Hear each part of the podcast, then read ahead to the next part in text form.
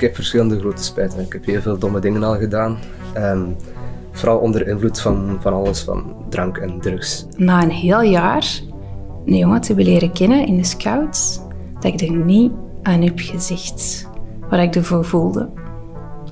Dat was mijn grootste spijt. Mijn grootste spijt is dus dat ehm, wij geen derde kindje gaan maken of nemen, of krijgen. Dat ik mijn zelfbeeld vormde op basis van wat ik dacht dat anderen eh, van mij wensten en van mij verlangden.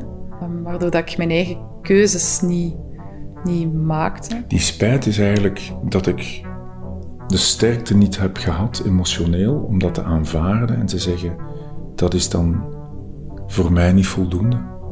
En het echt beëindigen. Uh, zorgen voor mijn kinderen en zorgen voor mijn job en mijn carrière. Ik heb daar keuzes in gemaakt met eigenlijk enorme consequenties. En daar kijk ik eigenlijk met heel veel spijt op terug.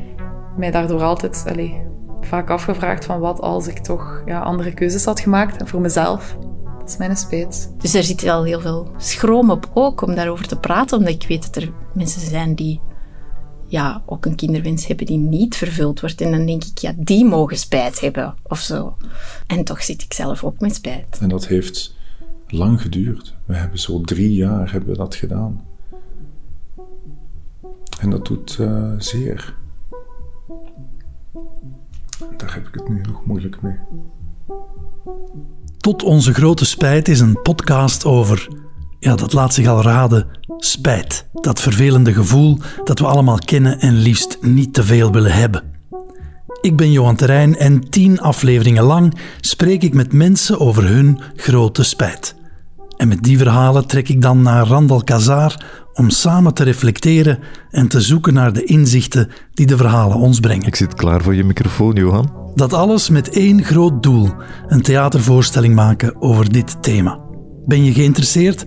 Abonneer je nu alvast op deze podcast en mis geen enkele aflevering. Wil je zelf je verhaal kwijt? Contacteer me dan via johanterrein.com of via Instagram at johanterrein.